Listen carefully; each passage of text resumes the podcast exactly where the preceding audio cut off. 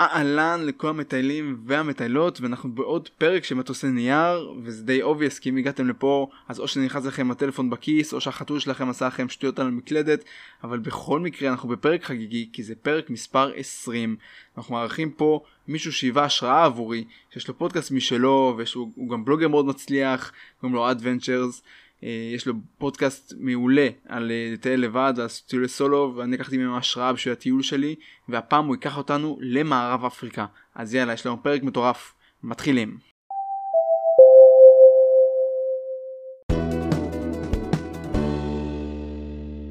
שלוש ארבע ואהלן לכל המטיילים והמטיילות. אנחנו בעוד פרק של מטוסי נייר והפעם נמצא איתנו אורח סופר מיוחד כי אני יכול להגיד שהוא היה מבחינתי כמו סוג של מנטור בעולם של הפודקאסטים, יצא איתנו אדוונצ'רס, מה קורה? אחי, איזה התרגשות, איזה כיף, הכל מעולה, מה איתך, איך הולך? אני אחלה, אני רואה שאתה עכשיו אה, במקום נראה לי יותר אטרקטיבי ממני. אה, תשמע, תל אביב היא יעד מאוד אטרקטיבי להרבה אנשים בעולם, אבל כן, אני בקולומביה, אה, מטייל סלש חי פה, בוא נגיד מנווה דיגיטלית כבר שלושה חודשים, כיף, כיף תענוג גדול, אני חושב שכרגע היא מדינה מספר אחת אצלי ברשימה בעולם, אז אה, כיף אה, להיות פה לתקופה ארוכה ובאמת לחוות אותה לעומק. כמה זמן אתה כבר מטייל שם? או גר שם, לא יודע איך אתה מגדיר את זה. כן, אז זה מטייל סלש גר. אה, בדיוק אתמול איזה בחור שדיברתי איתו על הטיול שלו, הוא אמר לי, יאללה, אחי, תמשיך ליהנות מהטיול, או מהחיים. אז אה, כן, אז אה, אני פה עכשיו שלושה חודשים, ובטיול הגדול הייתי פה חודשיים, שם בעצם התאהבתי. אוי, מגניב, מגניב, זה חוויה. זהו, זה נראה לי שונה, גם כשאתה גר במקום אתה חווה אותו בצורה שהם מקומיים, זה לא צורה רגילה. חד משמעית כן, תוסיף לזה גם שאתה יודע את השפה, אז אה, בכלל, בכלל, כאילו זה, זה, אתה יודע, אתה פורץ את כל המחסומים של התייר הרגיל, ואתה מגיע לסיטואציות אה, הרבה יותר אה, עמוקות, ואתה יכול אה, לדעתי לקחת הרבה יותר מהמקום. זה, זה מבחינתי הכיף הכי גדול בטיול, כאילו לבוא ולא סתם לבוא ולסמן וי על משהו. אני מאמין שעוד ניגע בזה בהמשך, אבל כן, אני כאילו פה ממש מנסה להתערבב ברמה הכי, הכי גבוהה שאני יכול. ברמה של כאילו לפעמים אני יכול לפגוש איזה, הרי בקולומביה יש להם פה מלא אזורים, וברמה שאני לפעמים יכול לפגוש איזה קולומביאני מאזור א', ואני מספר לו על סלנג של אה, מאזור ב' בקולומביה והוא לא הכיר אותו. כי אתה נודד, נראה לי הם אה, תקועים לרוב באותו מקום, שזה באסה מבחינתם, אבל אתה יכול כן אה, לנצל את זה ולטייל. כן, כן, קולומביה ענקית, ואתה יודע, גם כשאתה מגיע למדינות שהן בכלל, שהמצב הכלכלי בהן לא טוב, שהמטבע שלהם נמוך, והם לא, לא מרוויחים הרבה כסף, אז הם אפילו לא מטיילים במדינה של עצמם. רוב הקולומביאנים שאני פוגש הם כאילו אומרים לי בואנה אתה מכיר את המדינה שלי פי 20 יותר טוב ממני. זהו. וזה לא חייב להיות אני. מספיק בן אדם שהיה פה חודש וחצי בטיול אחרי צבא, היה באיזה חמישה שישה יעדים שונים, כבר הוא מכיר את קולומביה יותר מהקולומביאני הממוצע.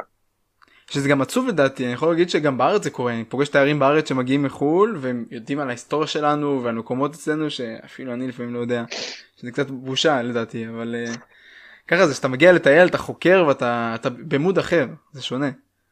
כן אתה שם את הכובע של אה, חוש חש הבלש. ממש אשכרה. אינדיאנה ג'ונס כזה. אז אני אעשה איזה שני ספוילר לכל המאזינים אה, אני הגעתי לאוהד דרך הפודקאסט שלו שאני שמעתי עוד לפני הטיול הגדול שלי לפני הטיול שעכשיו הייתי בנפאל תאילנד סינגפור חייב להגיד שהפודקאסט שלו ממש עזר לי הוא מדבר הרבה על טייל לבד למעשה זה העיקר של הפודקאסט ונותן כל כך הרבה טיפים אה, משמעותיים שאחרי זה יישמתי ולקחתי מהם המון. אה, שגם אחרי זה דיברתי על חלקם גם בפרק של טייל לבד אצלי אה, אז ממליץ לכם בחום ואני חושב שזה גם העיקר אצלך נכון בפודקאסט אתה רוצה קצת לספר על הפודקאסט שלך?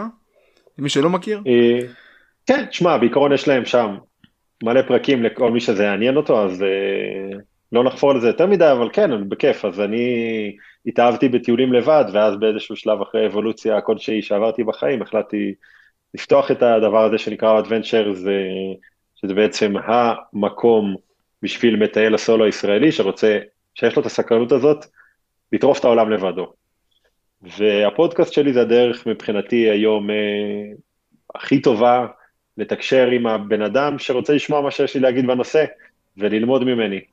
אה, אני לא חושב שאני איזה סופרמן או משהו, פשוט יש לי הרבה ניסיון בזה, השקעתי בזה הרבה משאבים, אה, הרבה כסף, הרבה זמן בטיולים לבד והרבה חוויות בעולם, ואת כל הפרספקטיבה שלי על התחום הזה, בנוסף לכל הניסיון שאני צובר ביום-יום בעזרה למטיילים, בלשמוע על הטיולים שלהם ובלהתעמק עוד בעולמות האלה, מחבר את הכל ביחד לתוך הפודקאסט, ושם אני בעצם מנסה לתת לבן אדם, בוא נגיד, את כל ה...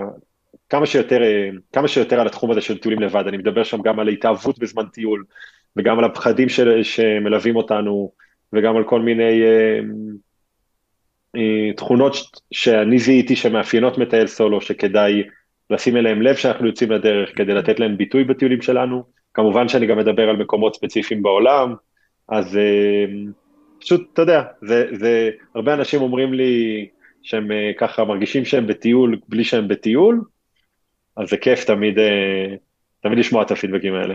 נכון, מסכים איתך. זה נראה לי הטיול הכי חסכוני שיש, הכי זול שיש. כן. חד משמעית. באמת הפרק היום אני חושב שכדאי שנצלול לאיזה יעד ספציפי ספציפי שמיוחד אתה הצגת לי כל כך הרבה יעדים וזה היה תאמת קשה ממש לבחור אבל אני חושב שאחד הדברים שהכי קפץ לי לעין זה דווקא מערב אפריקה כי אני חושב שרוב האנשים שומעים אפריקה ישר קופץ להם קניה טנזניה דרום אפריקה אולי אתיופיה אבל אתה היית במקומות אחרים לגמרי נכון? חד משמעית חד משמעית כן תשמע אני תמיד המשכתי ל... למקומות הפחות אה, מתוירים. אה, אני זיהיתי, בהם, זיהיתי בזה איזשהו קסם, והבנתי שעם כל הקשיים שיכולים להיות בלהגיע למקום כזה של לא להבין בהכרח מה יש פה לעשות, או שמסתכלים עליך מוזר כי לא רגילים לראות פה תיירים, למרות כל האתגרים האלו, אני כבר, אה, אפשר להגיד בשלב מוקדם באבולוציה שלי כמטייל סולו, זיהיתי ש... שזה המקומות שאני מבחינתי רוצה להגיע אליהם ולמקד בהם את, ה... את, ה, את התשומת לב שלי בבחירת היעדים. ואפריקה, תמיד הייתה לי איזה, איזה, איזה חלום רחוק, אחרי שהייתי באוסטרליה ובמזרח ובדרום אמריקה ובאירופה במלא מלא אזורים ובקריבים, אז תמיד היה לי את השאיפה הזאת לבקר באפריקה, גם יש לי רשימה של אה, חלומות בפלאפון, והיה לי באחד החלומות לגור עם איזשהו שבט. ו... והחלטתי שאם כבר אני בא לאפריקה, אז אני הולך אה, באמת לבקר באזור הזה. עכשיו, אפריקה, היא, יש לה בעצם אה, חמישה אזורים. יש לה את אה, צפון אפריקה, שצפון אפריקה זה בעיקר מדינות אה, מוסלמיות, שלחלקן אנחנו יכולים להיכנס ולחלקן לא, אז אנחנו יכולים להיכנס למרוקו ולמצרים, טוניסיה פעם אחת בשנה, ויש שם גם את לוב ואלג'יריה. בקיצור, מדינות כאלה, שם האסלאם נורא נורא חזק. זה פחות סקרן אותי. יש את מרכז אפריקה, שזה מדינות כמו הרפובליקה המרכז אפריקאית וצ'אד ומדינות שעדיף להתרחק מהן. קונגו וכאלה, לא... כן. כן, יש שתי קונגו, יש קונגו ויש הרפובליקה הדמוקרטית של קונגו. אה, אחת מהן היא דווקא יחסית סבבה, אבל כן, במדינות האלה של מרכז אפריקה יש הרבה מאוד אה, בלאגן, הרבה מיליציות צבאיות, הרבה ארגוני טרור מוסלמיים מכל הסוגים. אה, כל וזה הכיף. אזור, כן, אזור אסור. וחוץ מזה, אתה יודע, מי שבאמת פנאטים לתחום, אני מאמין שאני אולי גם אגיע לשם מתישהו, כי יש כל מיני בלוגרים מהעולם שאני עוקב אחריהם, והם פשוט עושים לי חשק להגיע למקומות האלה, והם שורדים אותם, אז אני תמיד אומר לעצמי, למה לא אתה גם? אבל אה, כן, מזרח אפריקה זה בעצם, אפשר להגיד, החלק הכי נפוץ לטיול על ידי ישראלים של אפריקה, שזה כל הרצועה שהיא בין, אה, בין דרום אפריקה לאתיופיה. אז יש לך את אתיופיה וטנזניה ורואנדה, אה, כל האזורים האלו, קניה, ו... ודרום אפריקה, כל האזור של דרום אפריקה זה בעצם דרום אפריקה ונמיביה ואולי עוד איזה מדינה שם. יש את האי הזה אפריקה, גם. כן. כן, יש גם הרבה איים. לאפריקה יש, אפריקה זה היבשת עם הכי הרבה מדינות בעולם, יש בה 54 מדינות, ויש לה גם הרבה מדינות איים, גם בצד המזרחי וגם בצד המערבי. במזרחי יש לך את מדגסקר וסיישל. וזנזיבר, כן. וזנזיבר, וראוניון, ובמערב אפריקה יש לך גם כל מיני מדינות איים. והמנטור שלי לטיולים, מי שגרם לי לפתוח את ה... נתן לי השראה בכלל לטייל בעולם ולהגיע לכל מיני מקומות אה, מיוחדים, זה פלג, לוני אה, פלג. אתה מכיר אותו אישית? ו... לפני ה... לא, הכרת, היום אני כבר חבר שלו, אבל נהיינו חברים תכלס באמצעות העשייה המשותפת של שנינו. נפגשנו בשביל הגולן בארץ, ממש אחרי הקורונה, ואז משם כבר אה, הבנו שאנחנו חולקים את אותו mindset, וכבר יצאנו לטייל הרבה ביחד בארץ, השלב הבא זה לטייל ביחד בחו"ל. אבל כן, בכל מקרה, אז, אז, אז הוא טייל שם במערב אפריקה, ואין לו על זה הרבה תוכן, אבל שם הוא פתח את הבלוג שלו. לא הרבה יודעים את זה, היה, זה היה בממש אה, סוף 12, תחילת 13, הוא היה שם ופתח את הבלוג שלו. אז, אז כן, אז, אז בהרצאה שלו הוא מדבר הרבה על מערב אפריקה, כי זה אזור שהשאיר בו הרבה חותם. ואני, האזור הזה משך אותי, ראיתי על זה הרבה סרטונים ביוטיוב וגם ממנו, ואמרתי, אם כבר אפריקה, אני רוצה להגיע לאזור הזה, וגם הרגשתי שמבחינת האבולוציה שלי כמטייל סולו, אני אפשר להגיד כשיר להגיע לשם, למרות שלא נראה לי מישהו באמת כשיר לחוות את מערב אפריקה עד שהוא לא חווה את מערב אפריקה, כאילו זה, זה כאילו אזור קשוח. בפני עצמו, אבל כן. אזור קשוח, ו... והחלטתי שאני רוצה לטוס לשם, החלטתי שאני רוצה את החוויה המקסימלית הזו, וגם שאתה יודע, אתה... אני תמיד מעודד אנשים לקרוא באינטרנט על היעדים שלהם לפני, כדי, אה, כדי להתמקד, כי להגיע לטיול ולהתחיל לחקור על הטיול שאתה כבר בפנים, זה אה, תמיד, תמיד יש לך את ה... תמיד אתה עושה את זה בקטנה, אבל להגיע ממש טבולה ראסה מאפס, זה מבחינתי לא טוב, כי מהניסיון שלי, שוב, אתה הולך לאיבוד כאילו בתוך הטיול, נכון. ואתה משקיע הרבה זמן בתכנונים במקום בטיולים. אז אה, חקרתי קצת לפני, וקודם כל בעברית לא מצאתי כמעט שום מידע על זה, על האזור הזה, ובאנגלית מצאתי, ואתה יודע, אומרים שם אה, כל מיני דברים שהם לא מפחידים אותך, אבל הם כבר מכינים אותך לכאוס. ולזה שאל תצפה משום דבר שילך כמו שצריך, אל תצפה לראות עוד לבנים חוץ ממך, יש להם אפריקה טיים, כאילו מיליון דברים. וזה כאילו מצד אחד הפחיד אותי, מצד שני סקרן אותי וריגש אותי. כי הניסיון שלי מכל מיני מדינות שאנשים מפחדים מהם, זה שבסוף הם לא, הם לא כאלה נוראיות כמו שאנחנו חושבים. אה, קולומביה הרבה אנשים מפחדים, ואני מרגיש פה הכי בנוח בעולם, ג'מייקה שטיילתי והרבה אנשים מפחדים ממנה, הרבה מדינות. אז uh, ידעתי שזה כנראה השד לא כזה נורא, כמו שאומרים, ואם זה לא מספיק, כל, ה... כל הבתוליות של, ה... של האזור הזה בעולם, גם תוסיף לזה שהתזמון שהחלטתי לטוס בו לאזור הזה, זה כאילו, אחרי שקניתי את הכרטיס, בערך שבוע אחרי זה פרץ באפריקה אה, זן האומיקרון. אה, וואו. בדרום ו- אפריקה הוא התחיל, כן. לא סתם. הוא התחיל באפריקה, אבל בדרום אפריקה. בדרום נכון. אפריקה, כן. וכאילו, אתה יודע, אתה, אתה יודע איך אוהבים אה, בממשלות, כאילו מתחיל משהו קטן, ישר הגדרה גורפת, אז כאילו ישר אה, אה, בנט אה, לדעתי אז היה, לא זוכר אם הוא היה, נראה לי ראש ממשלה, אבל הוא אמר כאילו, כל אפריקה אדומה, כאילו אסור לטוס לאפריקה. איזה תקופה חרא זה היה. תקופה חרא. אחי, אז אני כאילו, כן. תוסיף ללחץ שלי ממערב אפריקה גם את זה שאני יודע שאני עכשיו, אולי בכלל לא הולכים לתת לי לעלות על המטוס, כאילו אני טס ליבשת אדומה. אתה. מבין? איך טסת לשם בכלל? איך הטיסה? דרך איפה עוברים? דרך אתיופיה? אז אה, לא, אז אני, המזל שלי זה שה connection שלי היה בברלין, ומבחינת ישראל אני טס עכשיו לגרמניה, ולגרמניה היה מותר, ובגרמניה אף אחד לא הפריע לו שאני טס לאפריקה. אז כאילו, בשביל, בשביל האיחוד האירופי, אפריקה לא הייתה כולה אדומה, הם לא היו קיצוניים כמונו, אז אה, פשוט הכל הלך כרגיל, למרות שאתה יודע, אני, הלב שלי היה בתחתונים, כאילו, בכל התהליך הזה של כן. הטיסות, אבל זה הלך חלק, ו... וטסתי דרך, דרך ברלין לגאנה, לבירת גאנה שקוראים לה אקרא. אז התחלת את הטיול מגאנה ועברת כמה מדינות בעצם כל הטיול או איך עשית התמקדת ביד אחד? אז אה, ההתחלה של הטיול הייתה ידועה לי, הסוף לא היה ידוע לי, אה, אני שמח שהתחלתי את זה בגאנה, כי גאנה היא לדעתי, כל, כל ישראלי ששומע אותנו ורוצה לטייל במערב אפריקה, אני חושב שגאנה היא הנקודה הכי טובה להתחיל שם את הטיול, מהסיבה הפשוטה שמדברים שם אנגלית, רוב מערב אפריקה היא French speaking. אה, צרפת השתלטה באמת על כל מערב אפריקה, וגם היום היא שולטת עליה, למרות שזה כבר לא קולוניה רשמית, אבל זה עדיין, אפשר לומר שזה די בשליטה צרפתית, מתחת לפני השטח. וגאנה היא דוברת אנגלית, ו... ולכן אתה כן חווה את הקשיים, אבל לפחות אתה יכול לדבר עם האנשים מסביב ולהגיד להם שחרא לך.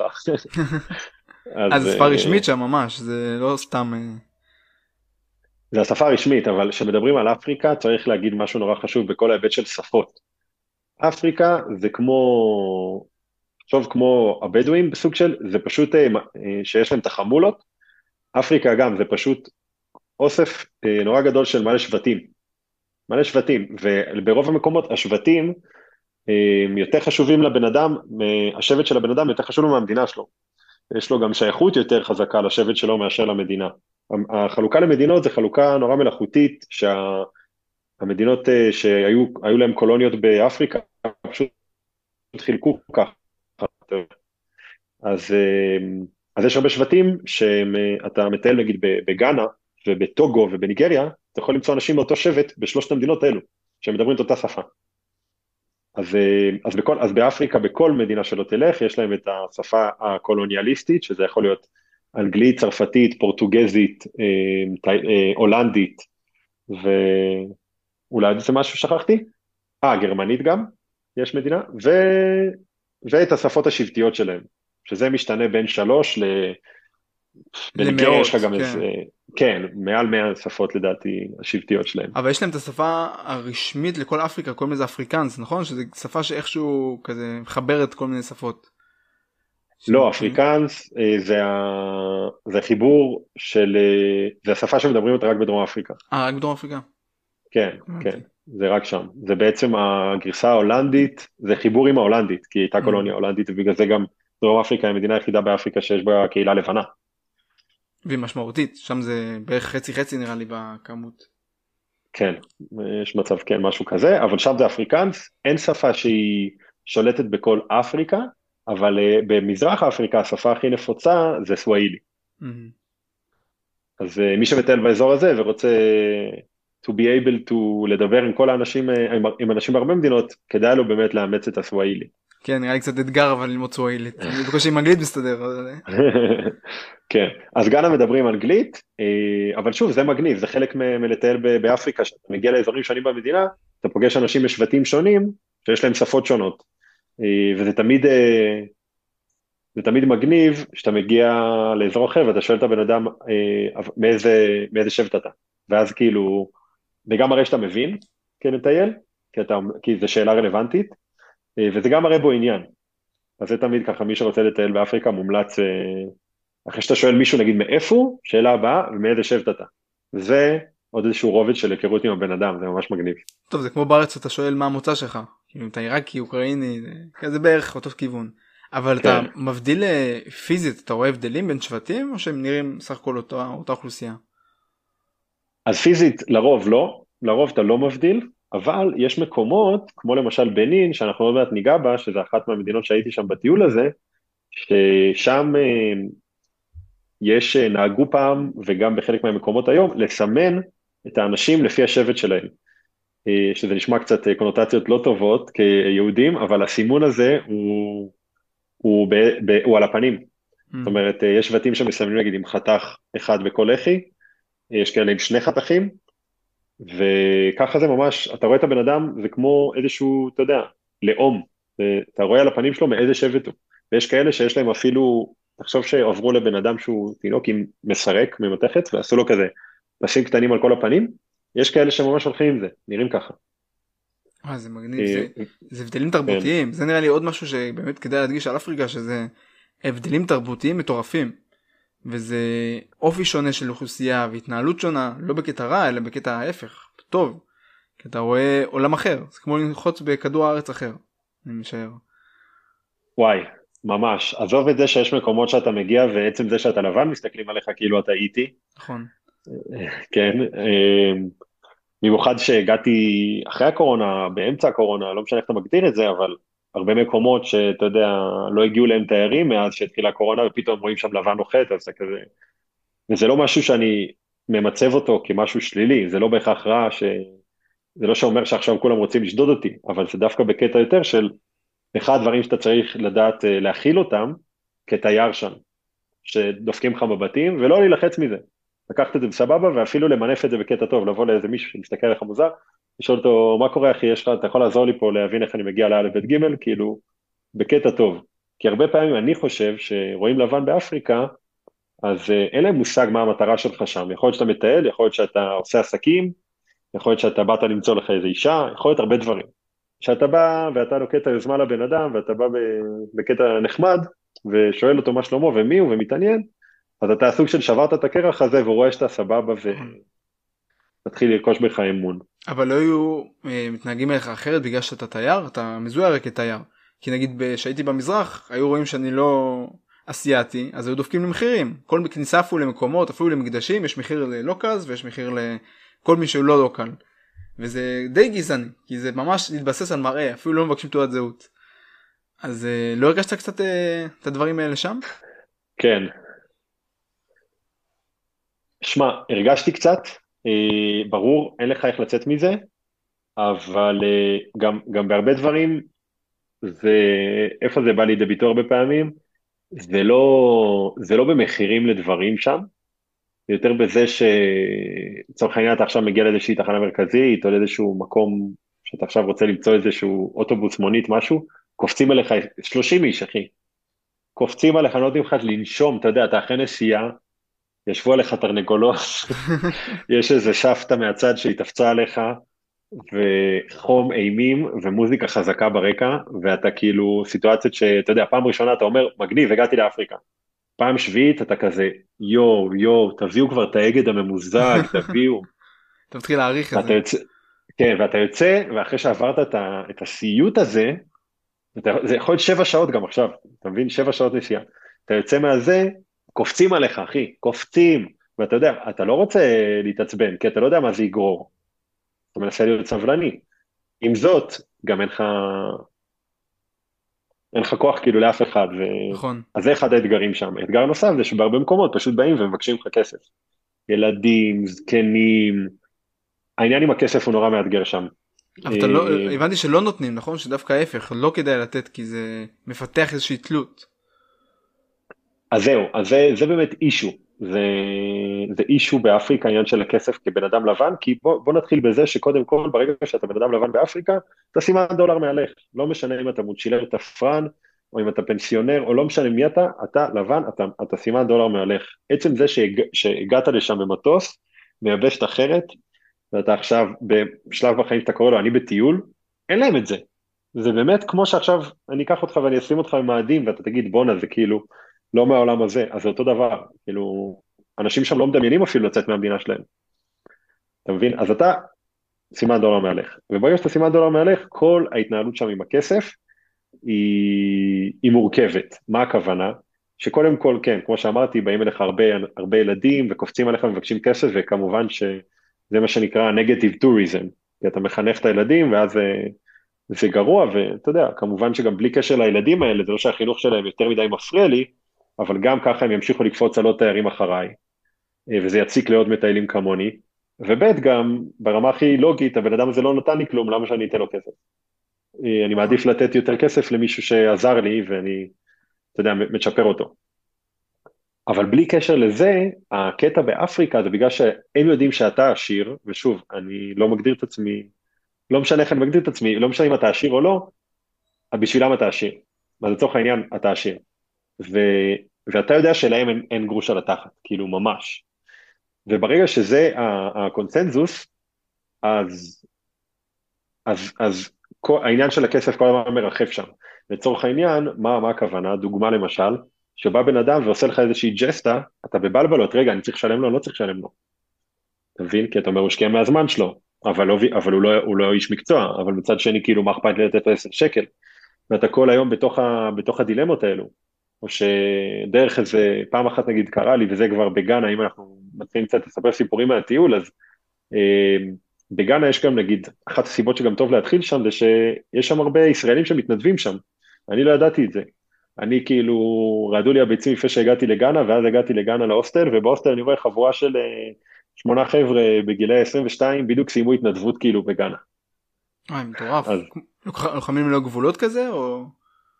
דומה, זה נקרא פרויקט 10. כן, שמים אותם באיזה כפר ולומדים אנגלית. אז אני פוגש אותם, וזה כבר נורא הרגיע אותי, ואני אומר להם, תגידו, איפה מסוכן פה? כאילו, זה סבבה להסתובב כאן? אומרים לי, אחי, מה אתה, מה אתה נלחץ, כאילו? הכל טוב פה.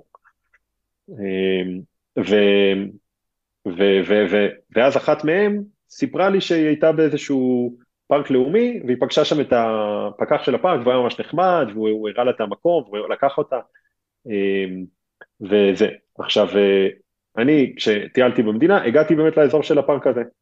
זה אזור שיש בו מפלים, זה פארק לאומי, שהרבה גנאים באים לעשות בו על האש, אה, להעביר שם כזה יום, אה, פיקניק, באים שם גם זוגות להצטלם לחתונה, ומקום נורא יפה, קוראים לו קינטמפו, וגם יש שם אה, מפלים, דרך אגב, זה אחד הדברים הכי כיפים באפריקה, השמות.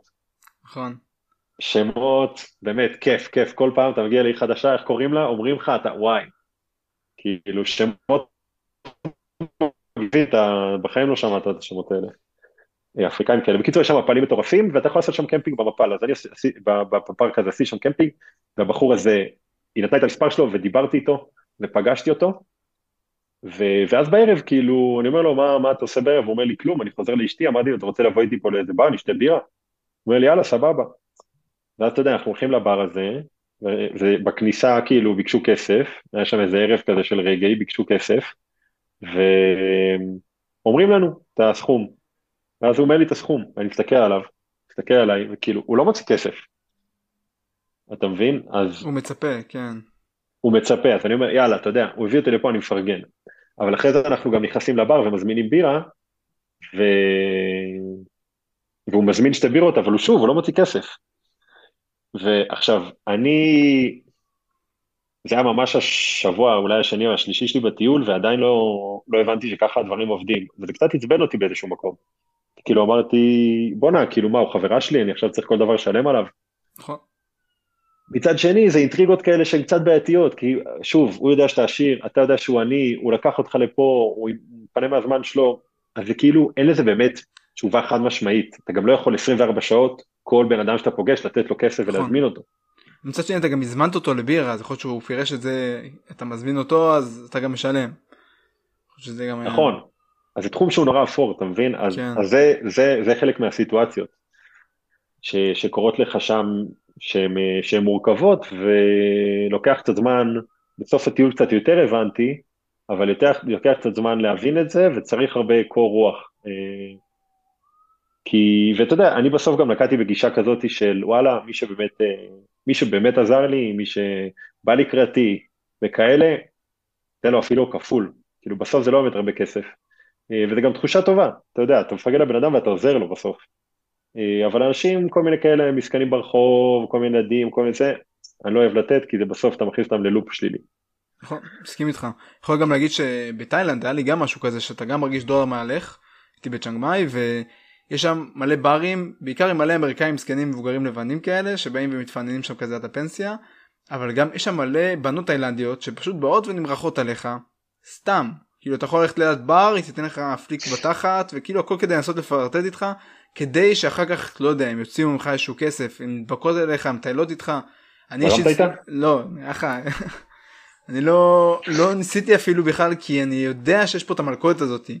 וזה גם באיזשהו מקום קצת מחליא אותי שבאמת אנשים משתמשים בעצמם כאובייקט כזה כדי למשוך כסף. אה, במקרה הזה זה נגיד נשים, אבל זה גם יכול להיות הרבה פעמים סתם מישהו שעושה משהו אפילו שהוא לא באמת עוזר לך רק כדי שתשלם לו על זה. למשל גם הצטלמתי בנפאל עם איזה איש דת כזה, אינדואיסטי כזה, כולו מאופר. אחרי זה הוא ביקש ממנו 7,000 רופי, שזה נראה לי איזה 200 שקל, שזה המון, המון. כאילו ואתה איש דת, אתה עושה את זה בשביל הדת, אתה נותן לי גם איזו ברכה, זה בשביל הדת, אתה לא אמור לבקש על זה כסף. כן, זה קטעים מעצבנים, אבל צריך גם לדעת להתמודד איתם, אה, אבל זה לא פשוט, זה ממש לא פשוט.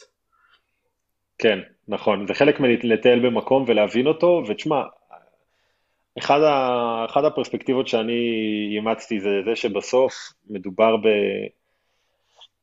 תראה, אתה רואה במקומות האלה אנשים שחיים בעוני, שאתה אפילו לא יכול לדמיין את עצמך חי נכון. בתנאים האלו, וזה מגיע לרמה של הישרדות, אתה מבין? אנשים כאילו, בסוף מסתכל לזה שלאנשים אין הזדמנויות, אנשים חיים במדינות, אנחנו טפו טפו טפו בישראל, המצב אתה יודע, עם, עם כל הדרק שיש בארץ, אפשר להגיד שהרמת חיים והכלכלה, הדברים האלה עובדים. החיים שלנו תותים. ככה זה. כן, ובכל מיני מקומות בעולם, אתה, אנשים באמת נמצאים במצב של שרידות, של שרידות, שהם לא, אתה יודע, אנשים בארץ אומרים שהם לא, לא מסיימים את החודש, בכל מיני מדינות אנשים לא מסיימים את היום, אחי. הם באמת אה, זה, והמצב של השרידות הזה מביא אותך, מביא אותך להרבה, לעשות הרבה דברים הזויים, שהם נוגדים היגיון בריא, שהם נוגדים את הכבוד שלך, ושאתה יודע, מי זה התייר הזה? הוא מחר עוזב פה גם, מה אכפת לי? אז נכון. כאילו, נכון. זה דורש הרבה סובלנות, לטייל במקומות כאלה זה דורש, אה, אתה יודע, הרבה אנשים מפחדים מה... להגיע למדינות עולם שלישי ומהסכנות. מה שאמור להדאיג אותם הרבה יותר זה לדעת להכיל את המקום מבחינה תרבותית לדעתי. זה. חלק מהדברים האלו.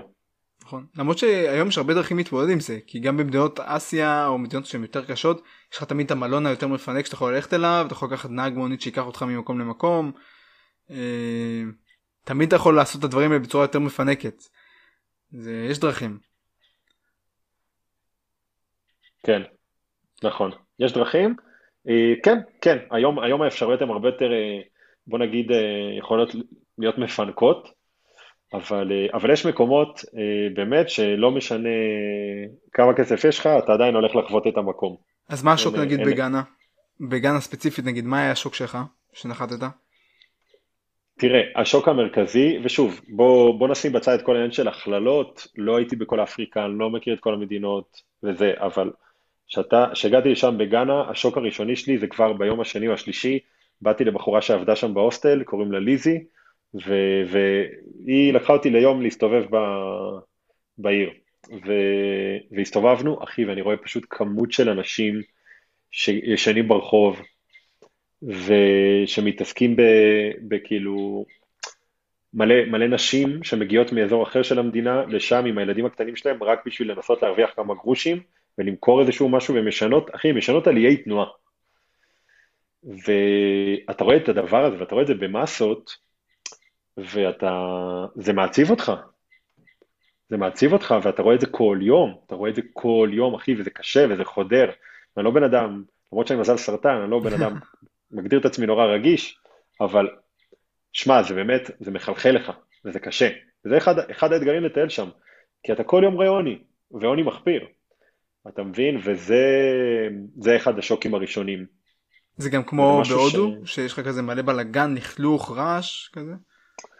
כן, כן, אני חושב שזה די דומה, עדיין לא יצא לי לבקר בהודו, שזה מפתיע הרבה אנשים, זהו, אבל... זה מפתיע. אה, כן, אבל עוד לא, עוד לא הגעתי, תמיד אני מוצא את עצמי איפשהו באזור הזה של העולם איפה שאני עכשיו, אבל בכל מקרה, זה, זה, זה העוני הזה וזה הזה, וזה כל הזמן מול העיניים שלך, וזה משהו שקשה לך להתעלם ממנו. אז אה, זה, זה אחד השוקים הראשונים, וכמובן שזה לא שאין תשתית תיירותית כל כך אה, רחבה, זאת אומרת, אתה כן יכול למצוא נגיד הוסטלים שם, אבל המעברים מעיר לעיר, אחי, זה, זה, זה אתגר, אתה מסיים יום של מעברים, אתה מותש, אתה מותש, נכון. וגם אם הכל הולך חלק, הרבה פעמים דברים לא הולכים חלק, פתאום במיד איבנט שאתה לוקח יכול להיות פאנצ'ר, ועד עכשיו עומדים כמה שעות, נתקעים בצד הדרך, אתה מת מחום. אה, וזה יכול להיות זה שפתאום יש איזה מחסום משטרתי והוא מוריד את כולם, וכמובן שאותך מעכבים יותר כי אתה לבנבן. אה, מלא דברים. אז, אז אתה בא כביכול, האתגר שם שאני חוויתי בהתחלה, זה שאני כביכול חשבתי שאני בא לטייל ולראות את המקום ולהכיר את התרבות, אבל אתה ביום יום מרגיש ש... שמועמסים עליך עוד קשיים, בוא נגיד ברמה, ברמה ההתנהלותית. נכון, אין תשתיות אתה מבין? תיירות, זה, זה בעצם אתה צריך לבנות את התשתית כל פעם שאתה אתה מטייל ואתה מפלס. דרכך. אתה ממש, מפלס, אשכרה. אשכרה, אבל מה עם החום? כי נראה לי החום זה אחד הפרמטרים שם הכי קשים.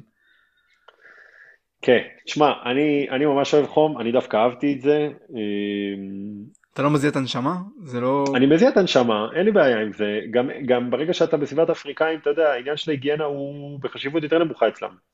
אז ברגע שאתה מזיע ומסריח, אתה לא מיוחד. לא אכפת להם, כן. כן, אתה יודע, גם ככה שנוסעים במיניבוס, כולם מסריחים, כולם מזיעים, אז כאילו, זה. אז אה, זה, אבל אה, אני עשיתי כאילו בגאנה איזשהו לופ כזה, כאילו מהעיר בירה עליתי ממש לצפון המדינה, ו... ואז כאילו ירדתי את כל הדרך דרך כביש אחר, ובעצם כזה, תשמע, קודם כל גיליתי שיש שם טבע מטורף, מלא מלא מפלים ומלא הרים נורא נורא יפים, ונורא נגנבתי מזה שבאמת כל אזור שאני עובר יש שם שבט אחר.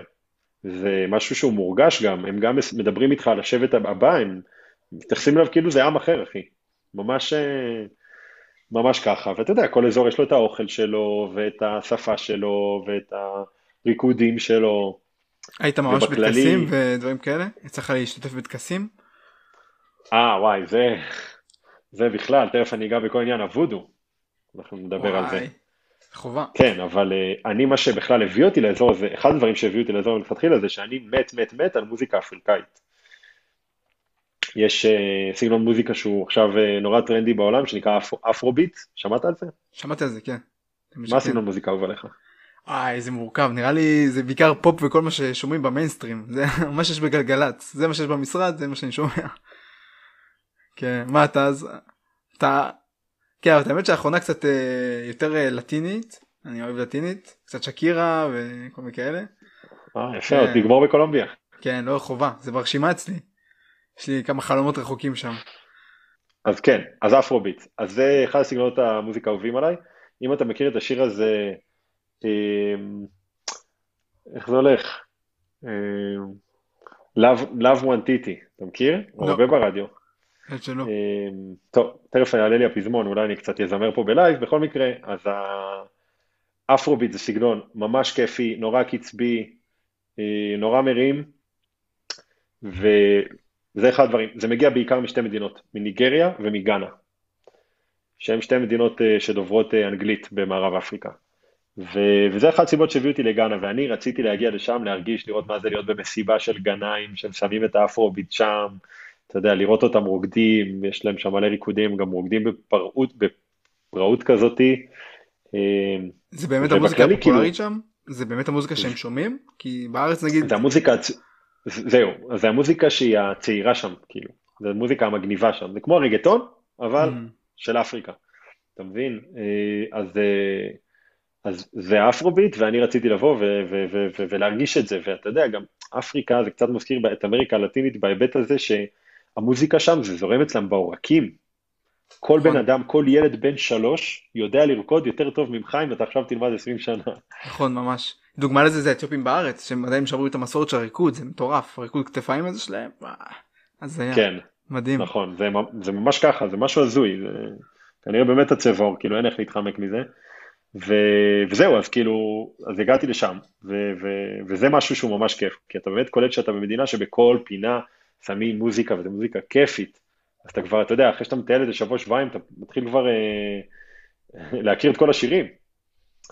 ו- ו- ו- ולרקוד איתם ולשיר איתם, וזה גם קטע שנורא מחבר בינך לבין בין המקומי עם המוזיקה כל הזמן, הם מזמינים אותך לרקוד איתם, וזה הצגה, ויש גם, זה, זה עוד של הצעירים, יש את כל הריקודים היותר מסורתיים שלהם, שאתה רואה באמת בכל מיני אה, אירועים, פסטיבלים, טקסים, אה, ושם לכל שבט באמת יש את הריקוד שלו.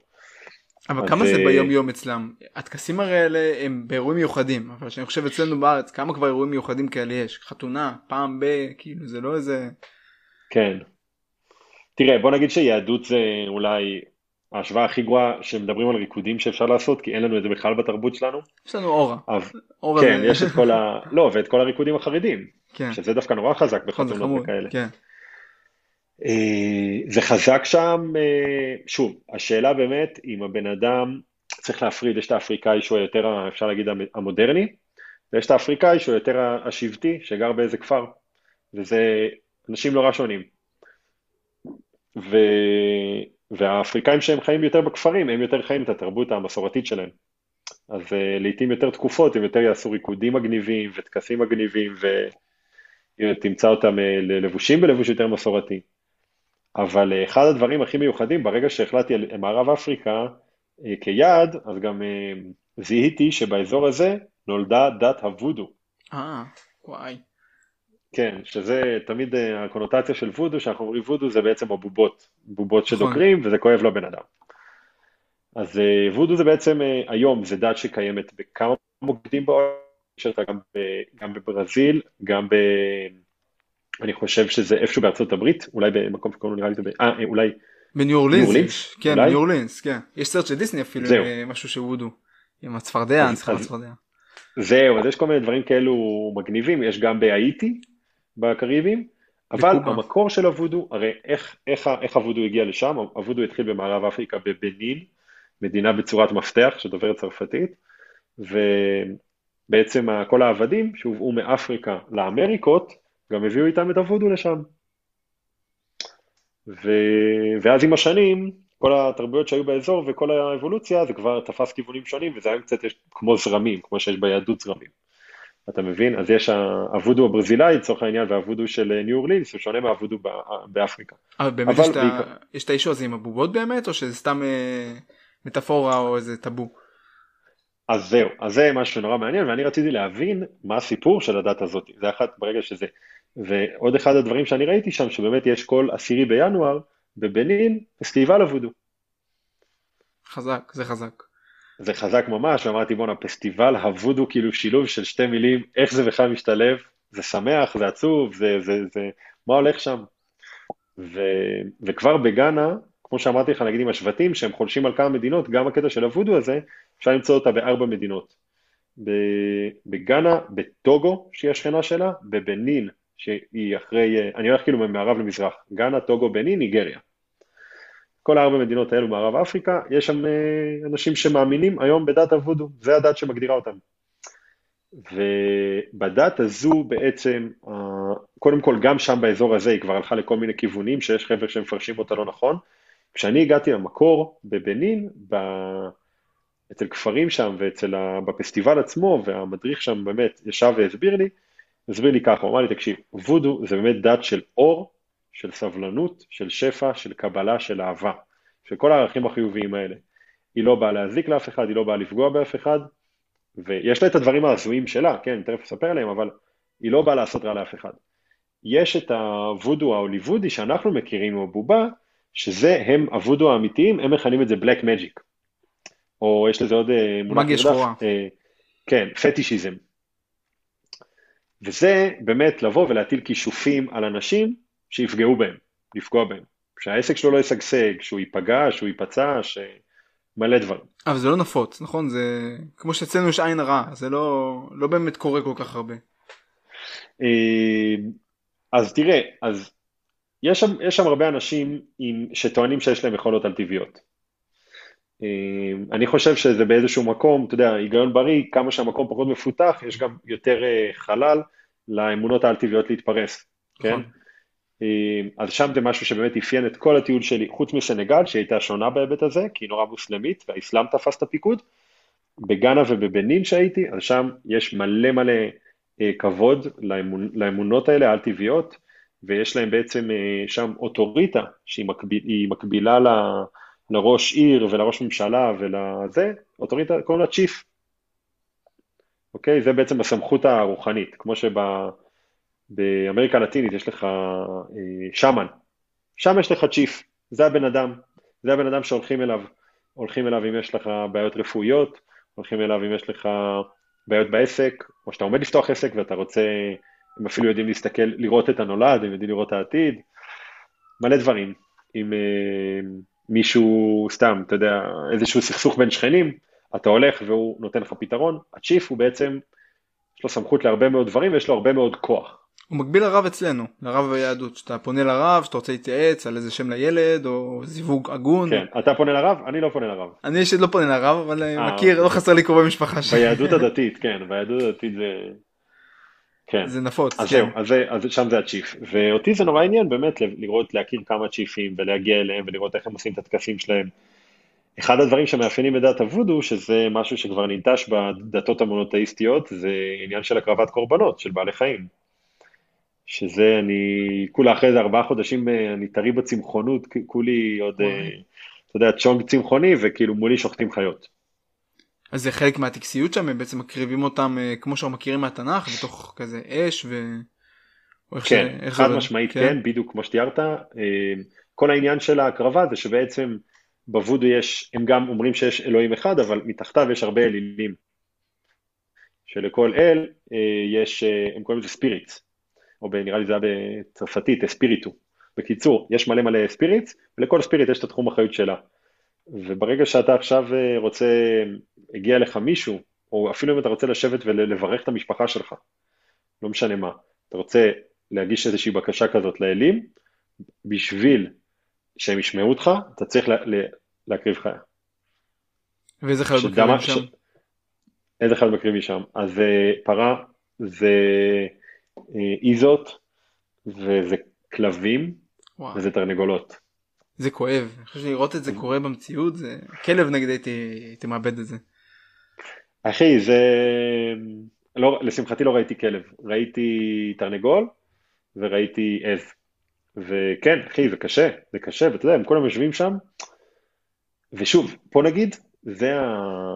זה הפערי תרבות שדיברנו עליהם. כי אתה מגיע לסיטואציה הזאת, עכשיו אני לא מאשים אף אחד ואני לא מתנער מהאחריות, כאילו ברור שהבאתי את עצמי לסיטואציות מרצון, כי היה לי חשוב לחקור את התרבות ועניין אותי וסקרן אותי, אבל אתה יושב שם ואתה יודע, מולך, עוד בארץ הזכויות בעלי חיים זה משהו נורא נורא מפותח.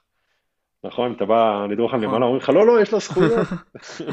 נכון, במיוחד בתל אביב פה אני יכול להגיד לך שכל כלב שמחרבן פה ברחוב יש יותר זכויות ממני נראה לי. כן, חד משמעית. אמ, אז זהו, אז כאילו, אתה יושב ואתה הורגים מולך חיה, גם לא בצורה יותר מדי עדינה, וכל האנשים שלידך הם עכשיו מרגישים שזה כמו שאתה עכשיו תלך לשמוע איזשהו רב, אה, תשמע, זו לא דוגמה הכי טובה, כי אנחנו לא אנשים נורא מאמינים, אבל אתה מבין את הקונוטציה, זה כאילו כן. אנשים באים, יושבים, בסיטואציה רצינית, מכובדת, והם כאילו מכבדים את המעמד. ואתה מולך, וואלה, רוצחים לי פה עז מול הפנים, כאילו זה הזוי, והיא צועקת, ודם, ו... ומדישים. זה לא נעים. כן, ומדישים לסיטואציה. כן, הם אדישים, מבחינתם בסיטואציה קדושה. גם אחרי זה מה שקורה עם החיות האלה, שאחרי שבאמת הרגו את החיה והשתמשו קצת בדם שלה שם בטקס, אז אה, אחרי זה באמת הורגים אותה, וכאילו בצורה אסתטית יותר, ואת הבשר שלה מחלקים בצורה שווה בין האנשים שהשתתפו בטקס, וזה בעצם בשר קדוש. ואז כל אחד לוקח הביתה איזושהי שקית כזאת, וגם מכין את זה, וזה כאילו משהו שיש לו הרבה, הרבה מאוד חשיבות רוחנית. טוב, זה זה לא רלוונטי, אבל איך הסתדרת באמת בתור צמחוני באפריקה? נראה לי זה רק אורז, אפילו לא, כאילו מה, מה אוכלים שם? אני מכיר את האוכל האתיופי. אז אני בארץ, אז אני בארץ צמחוני קיצוני, אני גם דגים לא אוכל. וואי. צמחוני קיצוני. צמחונים, יש אנשים שיגידו זה הצמחוני הרגיל, יש אנשים שיגידו זה. בכל מקרה, אכלתי שם דגים פשוט, וזה מה, ש... מה שהציל אותי. יש שם הרבה דגים לשמחתי, וכן, אבל גם, שוב, הגענו לעניין האוכל. אחי, עניין האוכל זה אתגר, וואו, וואו, כאילו, כל יום מחדש התמודדות שם. זו אפריקה לא מציינת במטבח שלה, היא לא מפורסמת בזה. שמע, זה כיף לאכול שם את הדברים, כי הם, הם בכל האזור הזה, הם אוכלים רק עם הידיים. אין להם כזה דבר אה, סכו"ם. כאילו, נכון. זה, סכו"ם זה שייך ללבנים, כן? גם אנשים מפותחים, זה לא... זה, עכשיו, זה כיף לאכול עם הידיים, זה גם יכול להיות מנה טעימה, אבל, אה, אבל אתה יודע, 80% שאתה שלשל אחרי זה. נכון, נכון. חווית קצת אה, טראומות כאלה? יצא לך? לגמרי, לגמרי, אני כאילו... תשמע, אתה יכול לנקוט לדעתי בשתי גישות, וזה גם הדילמה שאני הייתי בה, שאתה מתחיל את הטיול במקומות האלה, כי זה לא שאתה פעם ביום עובר ליד איזשהו מקדונלדס, או לא יודע מה, כל מיני דברים שאתה יודע שיש להם איזשהו סטנדרט בינלאומי, לא. אתה מגיע למקומות, אין אף כאילו מקום נורמלי, זה הכל ברחוב. ו... ויש שתי גישות, או שאני עכשיו לא, לא מייחס לזה חשיבות ואוכל פשוט כמו שהם אוכלים, כדי שהגוף שלי יתרגל לזה כמה שיותר מהר, ואני אסבול, אני אסבול קצת בשביל בטווח הרחוק להרוויח מזה, או שאני באמת כל פעם מחדש נזהר, בודק, מקסימום מוותר על ארוחה, מקסימום אוכל ארוחה יותר צנועה, זה כאילו יותר שומר על עצמי, אבל אה, מגביל, מגביל את עצמי מאוד. הגוף אבל מתרגל לאורך זמן? אז זהו, אז אני הלכתי לטכניקה הראשונה של אה, אני כאילו אוכל, אוכל כמוהם, ושהגוף שלי יהיה לי קשה והגוף שלי יתמודד, ותשמע, באמת זה, זה הלך הרבה פחות טוב ממה שחשבתי. אז כך? כן, כאילו ברמה של אני אחרי אה, כבר איזה שבועיים בגאנה, ואני אומר לבחור, הזאת שהמליצה לי, על, על הבחור ההוא, שדיברתי עליו בהתחלה, אני אומר, אני שולח לה כאילו וואטסאפ, אני אומר, תקשיבי, כי היא גרה שם, היא התנדבה שם, היא גרה שם שלושה חודשים. היא אומרת, תקשיבי, איך יוצאים מזה? אני כאילו כבר חוד... כמעט חודש משלשל, כאילו זה נורא. היא אומרת לי, תקשיב, ככה זה, תיקח איזה סטופית או משהו ותשתה הרבה מים, כאילו אין, אין הרבה איך לצאת מזה, זה קשה. אמ, אז זה קשה, אבל זה, זה הגיע, זה הגיע לשיא, כשבבנין, אז אמ, אתה יודע, מה שאני אומר הרבה פעמים למטיילים זה שאתה בא, תסתכל איפה הם מכינים את האוכל. תסתכל על הסירים, תסתכל על הקיריים, תסתכל על הדברים, אתה רואה שם זבובים, אתה רואה שם איכסה, אתה רואה זה, תדלג. עדיף לדלג על ארוחה מאחרי זה יומיים רק להיות בקלקולי קיבה. אבל מה שקרה זה שפעם אחת לא היה לי הרבה ברירות, הייתי עם איזה מדריך שאירח אותי ממש יפה ועשה לי ג'סטה והיינו ביום שלם של טרטרתי אותו וזה, כאילו ניסינו לעבור את הגבול ולא לא נתנו לנו אז חזרנו וזה, היינו גמורים מעייפות, היינו חייבים לאכול במקום הראשון שנמצא וישבנו ואכלנו שם. ואז, אה, ואז בדרך, אה, אחרי זה באתי אליו הביתה ותפסתי אוטובוס לעיר בירה כדי לצאת מבנין, בדיוק לסיים שם את הטיול, ובאוטובוס של נסיעה של איזה שמונה שעות, פתאום אני מתחיל להרגיש יו. על הפנים, יו. על הפנים, על הפנים, ושמחתי, לא, לא הייתי צריך לרוץ לשלשל, אבל איך שהגעתי לגסטהאוס, אחרי נסיעת אוטובוס הזאתי, הרגשתי פשוט רע כבר לא ברמה של הבטן, ברמה של כאבי ראש. ואתה מבין שמשהו קורה פה, ודיברתי עם אבא שלי, הוא אמר לי, תשמע, לך תבדוק את זה עכשיו, כאילו. והלכתי, ו- וזה עוד, נגיד, אפרופו, אתה יודע, הפרדה, יש לך אופציה ללכת לבדוק, להיבדק בקליניקה של מקומיים, או בקליניקה של לבנים, שהיא פי זה שלוש במחיר. יש פיתוח, ברוך השם. כן, אז אה, זה קליניקה שכאילו מקומיים לא, לא, לא יתקרבו אליה, רק אולי עשירים ותיירים. אז כמובן שאתה הולך לשם, כי אתה אומר איפה שיותר, תצא אני הולך, כי זה בריאות כבר. ואז הוא, עשיתי שם אה, בדיקות, אה, בדיקות דם, והוא אמר לי, זה או מלאריה או חיידק במעי. וואו, אז מה, קיבלת אנטיביוטיקה? זה היה חיידק במעי, זה היה חיידק במעי, סלש זיהום בקיבה. טוב, לפחות יצאת בזול בקטע הזה. טוב, זה כבר אנטיביוטיקה פותרת. נכון, uh... של... שלושה ימים של לשכב כמו מת, אתה יודע, בתוך הזה, במאוורר בחדר. זה באסה כי זה כן תוקע את הרצף של הטיול אני חושב שזה אחד הפחדים הכי גדולים בתור מישהו שהוא מאוד אוהב אוכל זה לגעת בנקודה הרגישה. אה, כן. אבל באמת זה התלבטות כי אין לך יותר מדי ברירות זה או זה או לרעוב וגם זה לא שיש לך אופציות אחרות כי גם אין שם באמת מקדונלדס או דברים מערביים. אבל uh, אני חושב שזה אתגר נגיד אחד מהחוויות שהם אתגר אבל שוב זה חוויה גם עובדה שרדת כדי לספר. אה, כן, שמע, בוא נגיד לך ככה, הרבה, אני חושב שבאופן כללי, לא רק האתגרים הבריאותיים בטיול, הרבה דברים הם אה, יכולים או להכניס אותך לאיזשהו שוק ולהגיד, shit, מה אני עושה, אני בחו"ל, אני בטיול, איך אני יוצא מזה, או להגיד, אוקיי, יש לי עכשיו סיטואציה, איך אני אתמודד איתה? כאילו, לקחת את זה בקור רוח. אז באמת הרגשתי חרא, כאילו פיזית, לא היה לי, לא היה לי שום טריק מחשבתי להתגבר על התחושה הפיזית הזו. אבל אה, אתה צריך להבין שאתה עכשיו נמצא באיזושהי סיטואציה, באיזשהו סרט שאתה צריך להתמודד איתו, אתה נותן לו את כל המשאבים שלך, כסף וזמן ו- ולא מטייל עכשיו, עושה קאט בטיול, עד שאני יוצא מזה. כי לגרור את זה זה פתרון הכי גרוע, להתבאס על זה יותר מדי זה גם לא הכי טוב, אבל לפעמים אין לנו שליטה על זה. נכון. אז זה, אה, זה כבר פעם שנייה שזה קרה לי האמת, לא, פעם אחרת זה היה במדינה אחרת, אבל אה, לפחות כבר הכרתי את התחושות ואת הסיטואציה הזו. אבל זה אחרי זה השתפר לאורך הזמן? אה, כמו שעברת את הטיול באפריקה זה... אז זהו, אז בדיוק עכשיו, אז בדיוק שם יצאתי מבנין, הייתי אחרי חודש בגאנה, חודש בבנין, וטסתי לסנגל. וסנגל היא הרבה יותר צפונית במערב אפריקה, היא כבר יותר ליד, ליד מדינה שקוראים לה מאוריטניה. Mm-hmm. מאוריטניה היא דרומית למרוקו.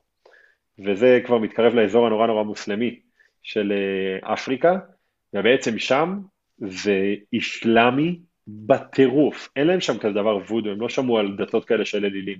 זה רק רק רק מוסלמים, יש שם אולי איזה 4% נוצרים במדינה.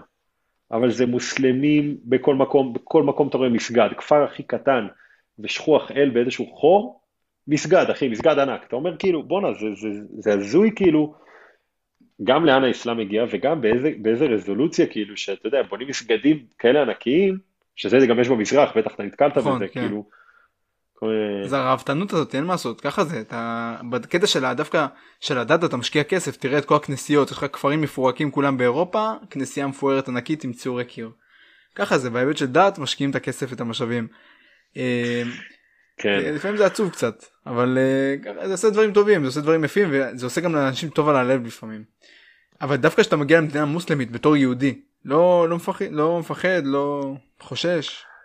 אז זהו, אז שמע, האינסטינקט שוב הוא כן, אבל אה, אתה יודע, כשאנחנו מטיילים אנחנו כל ה... אנחנו צריכים באמת ללמוד איך אה, להתגבר על המחשבות שלנו ו... אז אני קצת קראתי באמת וחקרתי והבנתי שסנגל במדינה נורא ידידותית. ואתה יודע, יש כל מיני מקומות בעולם שהאסלאם שם זה לא אסלאם, לא נדבר גם בכלל על קיצוני, כן? זה בכלל לא אסלאם שהם לא בכלל מרגישים שזה שהם מוסלמים, זה בכלל אמור להיות להם קשר ל... לישראל פלסטין. כאילו, הם לא רואים בכלל חיבור לזה, זה לא מעניין אותם. הרוב שם נכון. בכלל לא מכירים את הסיפור הזה. אז כאילו מדינה נורא ידידותית, וכן יש בכל מקום מסגד, וכן נורא מוסלמים, וכן אתה כל הזמן שומע מואזין, כל הזמן, ואתה כל הזמן רואה אותם מתפללים, כאילו גם אנשים שהם לא נורא אדוקים מתפללים חמש פעמים ביום עם השטיח הקטן הזה, אבל, אה, אבל היא ממש לא מסוכנת, דווקא הפוך, כאילו פגשתי שם יש להם קטע שם, עם, אתה יודע, אנחנו תמיד אוהבים לתת דוגמאות מה, מהטיולים, סיפורים וזה, יש להם שם משהו בסנגל שנקרא אה, טרנגה. וטרנגה זה בעצם, אה, הם לא ידעו להסביר לי. שאלתי שם איזה סנגלי, מה זה טרנגה? והוא לא ידע להסביר לי. אבל כשקראתי קצת באינטרנט ראיתי איזה מאמר באנגלית שידע להסביר לי. והטרנגה זה בעצם אומר uh, warmth, kindness and hospitality. אתה מבין? שזה בעצם אומר שאתה עכשיו סתם, אתה עומד בחנות ואתה מסתכל על צעיפים לחברה שלך, או שאתה מסתכל על, uh, לא יודע, אתה רוצה לקנות איזה מזכרת וזה מגנט הביתה, ואז יש שם את המוכר שיושב לאכול, הוא יושיב אותך שתאכל איתו, אחי. עכשיו, ברור שאתה עשיר והוא עני. הוא יושיב אותך שתאכל איתו, הוא יגיד לך, שב, תאכל. אתה מבין? עכשיו, איך הם אוכלים שם? הם לא, הם, הם, הם, גם, הם גם אוכלים מהידיים, אבל מה ששונה מהאזור של גאנה, זה ששם בסנגל הם מביאים, נגיד הם עכשיו, אני, אתה ועוד חבר, יושבים לאכול צהריים, מקבל קערה ענקית מכסף, עם בפנים מלא אורז ועוף וירקות, ונאכל את זה ביחד ככה שלושתנו עם הידיים. אתה מבין? זה חלק מהחברותה. זה בדיוק. תרבות ממש כמו שהבדואים, תרבות שבטית, תרבות של אירוח, זה מאוד משותף דווקא ליוצאי אה, מדבריות.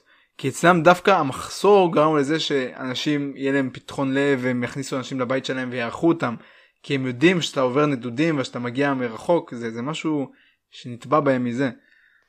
זה מקסים. כן, זה מגניב ממש, זה מגניב ממש, ואתה יודע, כאילו אנחנו בתרבות שלנו, זה אחד מהדברים שאתה תמיד נהנה לראות בטיולים, שאתה נהנה לראות משהו שהוא נורא מנוגד לתרבות שאתה גדלת עליה ושאתה רגיל אליה. בדיוק. שבא בן אדם שלא מכיר אותך, לא מכיר אותך, מצבע עור שונה והכל, ומזמין אותך כאילו אתה עכשיו בן בית שם. ככה. זה מדהים. כאילו, אנחנו אומרים אצלנו שלתת זה לקבל, אבל אצלם זה באמת, כאילו בן אדם שבא ונותן לך משהו, הוא מבחינתו כאילו על גג העולם. אתה לא צריך לתת לו משהו בתמורה, כן? זה לא נכון. קשור. נכון. הוא על נכון. גג העולם, אחי. וזה מדהים, כי אתה רואה את זה באמת אנשים שאין להם גרוש על התחת, ונותנים לך ממה שאין להם, ואתה אומר, זה נוגד את ההיגיון, יש לי הרבה יותר ממנו, כאילו, הגיוני שאני אזמין אותו, שאני אפנק אותו, שאני אפרגן לו, אבל לא. הם הראשונים שיבואו, ו- וייתנו לך תחושה שאתה בבית ויאכילו אותך והכל, ואתה אומר, כאילו, מה נסגר, מה נסגר עם החיים שלי? כאילו, אנחנו חבורה של אנוכיים פה. ממש. אז, כן. ממש. אבל עכשיו בוא נרד שנייה לרזולוציה דווקא יותר טבע וחוויות. אז אמרת היית סנגל, סנגל גאנה ובנין. יש הבדלים בטבע בין המקומות האלה? מה רואים מה עושים אטרקציות? איך זה עובד בכלל שם. אז שמע קודם כל מבחינת ספארים וחיות באזור של מערב אפריקה אפשר למצוא אבל זה לא לא משהו מרגש. כאילו זה לא הסיבה להגיע לשם. זה לא הסיבה. כאילו אני הלכתי בסנגל הספארי שם שכל הסנגלים נורא התלהבו ממנו, כי זה שפה היחידי שהם מכירים ושהם שמעו עליו באזור שלהם, אבל על הפנים.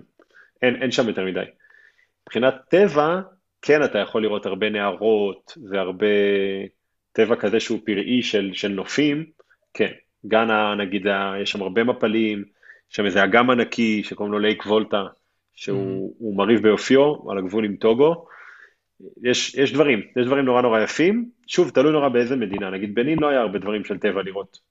בנין אתה בא להכיר את התרבות של הוודו, mm-hmm.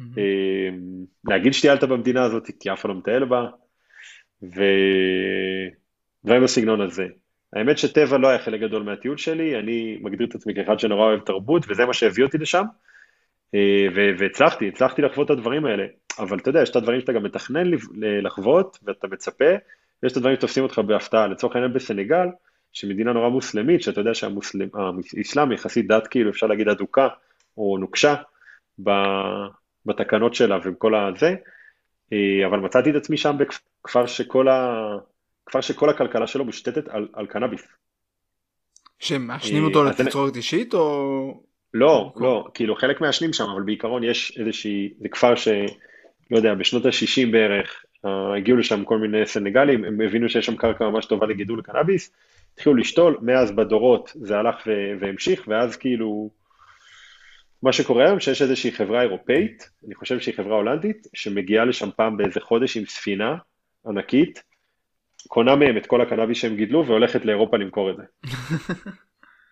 עכשיו אני בא ואני שואל אותם, תגידו, כי זו מדינה מוסלמית, אני אומר, תגידו, כאילו, אתם, עכשיו, הבחור ששם אירח אותי, הוא, הוא אומר לי, אומר לי, זה, זה העיסוק היחידי, אם אתה רוצה לגור בכפר, זה העיסוק היחידי שאתה יכול לעשות. אתה צריך שיהיה לך, תקבל חלקה ואתה צריך לגדל אותה. אין פה דברים לעשות, אין פה תיירות ואין פה עוד חקלאות אחרת. זה רק הגידול של הקנאביס. ו... ואתה מבין של בואנה, כאילו זה מגניב, ואני שואל אותו, אבל תגיד, זה חוקי? כאילו, איך זה מתאפשר? אז הוא אומר לי, לא, זה לא חוקי, לפני איזה כמה שנים הגיעו לפה אה, כמה, כמה שוטרים, הם ראו מה קורה פה, הם אה, הלכו חזרה לעיר, ומאז הם לא חזרו. זה הגיוני אבל, כי אתה חושב שאין להם ברירה, אה, הם יודעים שאם הם סוגרים את זה עכשיו, הם מכניסים פה לעוני כפר שלם. בדיוק, וזה דווקא משהו שהיה במכנה משותף להרבה מקומות שביקרתי ב- בכללי באפריקה, שברגע שאתה לבן, אבל לא בהכרח לבן, זה לא בהכרח קשור לזה, הכל אפשרי, אחי, הכל אפשרי. אתה יכול לראות דברים הזויים ודברים שההיגיון שלך בכלל לא חשב עליהם. כאילו, סתם, אתה יודע, מישהו כאילו, נגיד בבנין, המדריך שלי בא, עוצר איתי בצד הדרך, אומר לי, בוא שנייה, ננשנש משהו, אני מת מרעב. נכנסים לאיזה בודקה, אני רואה אנשים כאילו עם קיסמים כזה, לוקחים חתיכות בשר מאיזושהי אה, קערת אה, פלסטיק, ואני אומר לו, אני בא לאכול, אני, אה, אני לא באתי לאכול כי הייתי צמחוני, אבל אני אומר לו, מה זה? אז הוא אומר לי, אה, זה כלב. וואי, אתה מבין? כן, אחי, אני באפריקה, זה לא שאני עכשיו בסין. נכון. פה זו נקודה שאני הייתי מתלבט באמת אם לאכול, כי מצד אחד, וואלה, מתי יצא לי לאכול כלב, מצד שני, אחרי זה אני לא יודע איך אני אסתכל לכלבה שלי בעיניים. יש פה, יש פה ניואנסים. אחי, יש, אה, אני חושב שה story הזה, זה נכנס לה, מה top חמישה story שהכי זעזעו את העוקבים שלי. וואי. באמת. אנשים זה- הזדעזעו זה. שם. איך זה נראה בשר כלב? חייב לשאול. זה נראה, לא, זה נראה כמו חתיכות סטייק קטנות, כאילו. נראה רגיל, כל דבר. כן, גם שמו על זה תבלין כזה צהבהב ופיזרו ואכלו, כאילו, אתה יודע, הכל סבבה, כולם שם נהנים כזה, זה איזשהו דוכן כזה בצד. לי זה היה מוזר ממש. אה, לשמחתי הייתי צמחוני, לא הייתי בדילמה הזו, אבל שוב, אתה יודע, אתה רואה, אתה רואה הקרבות של חיות, אתה רואה את הבשר של הכלב, אתה רואה כפר פתאום של קנאביס באמצע מדינה מוסלמית, אתה בא, לאפריקה, מערב פרוע זה ההגדרה, כאילו, אתה לא יודע מה אתה, למה אתה צופה, ויש כל מיני דברים שם שאתה לא חושב שעוד קיימים בעולם, אז, אה, אז זה, זה מגניב, כאילו, ל, ל, בוא נגיד שלמטייל ההרפתקן, זה זה וואחד הרפתקה. אבל איך מטיילים שם באמת? אתה הרי כל פעם תיארת שטיילת עם מדריך. חובה מדריך? איך כאילו איך זה עובד? אז לא, אז בגן הייתי הרבה יותר עצמאי, ופשוט uh, הגעתי למקומות, ו... ואז עשיתי, או, ש... או אם היה איזשהו משהו לראות, ראיתי אותו לבד, או אם היה איזשהו סיור, אז הצטרפתי לסיור, אז זה הרבה יותר קל, שוב, בגלל שהיא דוברת אנגלית. Uh, להוציא, להוציא את האנשים שגרים בכפרים הקטנים, ששם אין להם מושג באנגלית. הם רק מדברים את השפה שלהם. אז uh, הקטע הוא, בגן, בבנין ובסנגל, שזה מדינות שהן דוברות צרפתית, זה הרבה יותר מאתגר. ושם באמת חוויתי את זה לעומק, כי אתה פתאום אומר, אוקיי, כאילו, אני סקרן, בא לי לראות מה קורה פה, אבל אין את הכלים לעשות את זה. ואז אתה באמת תלוי בבן אדם. אתה צריך למצוא את הבן אדם האחד הזה, שיודע לדבר אנגלית, המדריך טיולים הזה, אתה צמוד לו לתחת. צמוד לו לתחת, כי אתה יכול לבוא לראות את הטקס הכי יפה בעולם, אין לך מושג מה קורה, אין לך מושג מה זה מסמל, איך זה התחיל, מה התלבושות האלה אומרות, כלום. אתה חייב שהוא יסביר לך, אה, שזה לפעמים הולך, לפעמים לא, לפעמים יש לו סבלנות אה, להסביר, לפעמים יש לו פחות. איפה מוצאים אותם? ה- אז אה, אתה צריך להגיע ואתה צריך להתחיל לחפש מישהו שדובר אנגלית, כאילו, או שהיה לך חיבור מלפני, שיטת ה- הטרזן. זה בעצם אומר אה, שאתה בטיול, אז אה, כל פעם לעבור, במיוחד במדינות שבהן אתה, כמו למשל אה, בבנין, שלא דברתי צרפתית, אז לעבור למקום הבא רק כשהצלחת למצוא שם איש קשר. Mm. ואז אתה מדבר איתו לפני, והוא מוכן לקראתך, והוא מחכה לך. אז לצורך העניין בפסטיבל וודו מצאתי מדריך, מדריך, מדריך שם שיודע אנגלית, והוא שם היה מדריך שלי כל הפסטיבל, שכרתי אותו, אבל בעיר הבאה שהייתי, בצפון בנין, אז כבר הוא חיבר אותי לחבר שלו, שהוא משם, מהשבט הזה, הבן אדם היחידי שם שיודע אנגלית, ו, וכאילו דיברתי איתו והוא חיכה לי שם, אתה מבין? והוא הכתובת שלך שם להכל. ומה שיפה גם באפריקה, שהמדריך טיולים שלך הוא באמת הכתובת שלך להכל. הוא לוקח אותך לטעון דאטה בסים, אה, הוא לוקח אותך ל- לצאת, אם אתה רעב, הוא לוקח אותך לאכול, הכל, הכל, הכל. הוא החבר שלך לטיול. הוא ממש החבר שלך, הוא אה, השותף שלך.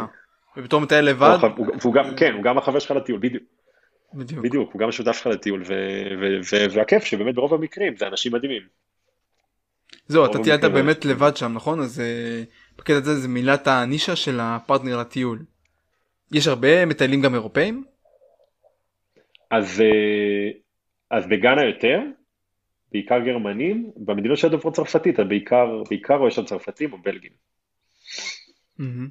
אז אה, זה כי, תראה, לטייל במדינה שאתה לא דובר בה את השפה, זה אחד, ה, זה אחד הדברים הקשים. נכון, לא דובר מגיע. את השפה וגם אין תשתית כדי לדבר את השפה שלך. זה קשה, זה קשה וזה יכול נורא להשפיע על הטיול. אה, בוא נגיד שטיול ראשון או שני או שלישי סולו, כנראה שלא הייתי הולך לאזור הזה, כי לא הייתי מצליח ליהנות שם. ו... וזה, וזה באמת מוסיף אה, עוד איזשהו רובד לטיול שיכול גם לפעמים לבאס. כי אתה לא, קורא, לא יודע מה קורה סביבך, או שאתה עכשיו עולה על איזושהי מונית, אה, או עולה על מונית אופנוע, ואתה אומר לו לאן לקחת אותך, אתה מראה לו במאפס, והוא פשוט מוריד אותך במקום אחר לגמרי. אתה מבין? זה, זהו, זה אתגר, אה, עכשיו מתמצא ולמצוא. ו... זה אתגר וזה מקשה, וצריך קור רוח, ו... וכן, וצריך צריך לפתח את הטיפים האלו, או ללמוד את השפה ברמה basic, או להשתמש הרבה ב Translate, למרות שזה בהרבה מקומות לא באמת עוזר, או, או למצוא את הבן אדם המקומי הזה. אבל אני הגעתי למצב ש... ש... נגיד בסנגל, פתאום באתי וראיתי איזה שתי בנות אה, תרמילאיות כאלה שמטיילות, והתבאסתי פתאום לראות אה, אנשים לבנים אחרי כל כך הרבה זמן. זהו, אתה מרגיש פתאום מוזר, כאילו מה, אני הייתי פה לבד, למה פתאום יש עוד מישהו שחולק את זה איתי? כן. ותגיד, מבחינת עלויות טיול כזה, אה, למרות שזו מדינה שהיא יחסית זולה, אבל אתה כן צריך מדריך שיהיה לך דבוק לתחת כל היום. היית מגדיר את זה כטיול זול, טיול תרמילאי או טיול אה, חצי קלאץ'? שמע, בוא נגיד ככה, אתה... זה לא שאתה יכול לפתוח אוהל איפה שאתה רוצה, זה לא, יכול... זה לא שאתה יכול לתפוס טרמפים איפה שאתה רוצה. אמ, אתה כן מוצא את עצמך הרבה פעמים, מוציא הרבה כסף יותר מהבן אדם המקומי, כי אתה כל היום קונה מים. כל הזמן קונה מים שם. נכון. אתה לא יכול לשתות מים בשום מקום שהם שותים, המים האפריקאים. והרבה פעמים אתה, כן, אתה תיקח מוניות בכל מיני מקומות שאתה מעדיף אה, להימנע מחיכוכים. אז אה, בעיקרון המדינות האלה זולות, אבל הז- הזול הזה מתקזז לך עם, ה... עם היותך כאילו לבן שרוצה להיות רגוע לגבי כל מיני דברים. אז אני חושב שבסופו של דבר, בוא נגיד שמבחינת אה, עלויות וכאלו, זה יוצא לדעתי לתרמילאי פחות או יותר אה, ממוצע, יוצא באזור השבע בחודש. מהמם. שזה לא נורא. מקביל בערך לדרום אמריקה כזה, נכון? או שזה... כן. טוב, זה משהו שאפשר לשרוד אותו. ואז עשית בעצם מעבר נכון בין מדינות, עשית סנגל גאנה, ואיפה סיימת בסוף? באיזה מדינה? אה, אז הייתי ב... כן, בגאנה, בפנין, וסיימתי בסוף בסנגל, ומסנגל החלטתי לחזור. בטיול אחר הייתי במדינה שקוראים לה קאבו ורדה. שזה מיוחדת. לפני זה. זו מדינה נורא מיוחדת, כן. אה, מסנגל חזרתי לארץ, נורא התלבטתי בתוך סנגל, לאוהבי הגיאוגרפיה, בתוך סנגל יש אה, נהר שנכנס מהאוקיינוס לתוך סנגל, שקוראים לו נהר גמביה, ומסביב לנהר הזה יש גם מדינה בצורה של הנהר שקוראים לה גמביה. נכון. נכון. כן, שזה נורא מעניין, קוראים לזה גם ג'מייקה של אפריקה, כולם שם בסטפארים. ואני לא, לא, בסוף לא נכנסתי לשם, כי הייתי צריך להוציא ויזה, ופשוט לא היה לי כוח להתעסק בזה, אמרתי אני אשקיע עוד זמן בסנגל. אבל זה מה שאני כמעט עשיתי, מסנגל חזרתי לארץ. בקאבו ורדה שהייתי בו ב-2019, זה מדינה, וואו, נורא מיוחדת. אה, עצרנו בה בדרך של ה... באמצע הדרך של החצייה של האוקיינוס עם הסירה, שזה בכלל סיפור אחר. אבל עצרנו שם בקאבו ורדה, שזו מדינה שהיא גם, היא נמצאת מול חופי סנגל, כמה מאות קילומטרים בתוך האוקיינוס, וזו מדינה שמורכבת מעשרה איים, ומדברים שם פורטוגזית, יש שש מדינות באפריקה שהן דוברות פורטוגזית, היא אחת מהן, ווואו, זה פשוט כאילו מקום מיוחד. קודם כל, תמיד, תמיד אנשים שחיים, תמיד כשאתה מגיע לאי, יצא לך להיות באיים? יצא להיות בתאילנד, נראה לי זה שונה. באיים? כן, תאילנד. ווייטנאם תמיד. אנשים שחיים באיים זה אווירה שונה. זה קצב חיים שונה, זה אנשים נורא נחמדים, ו...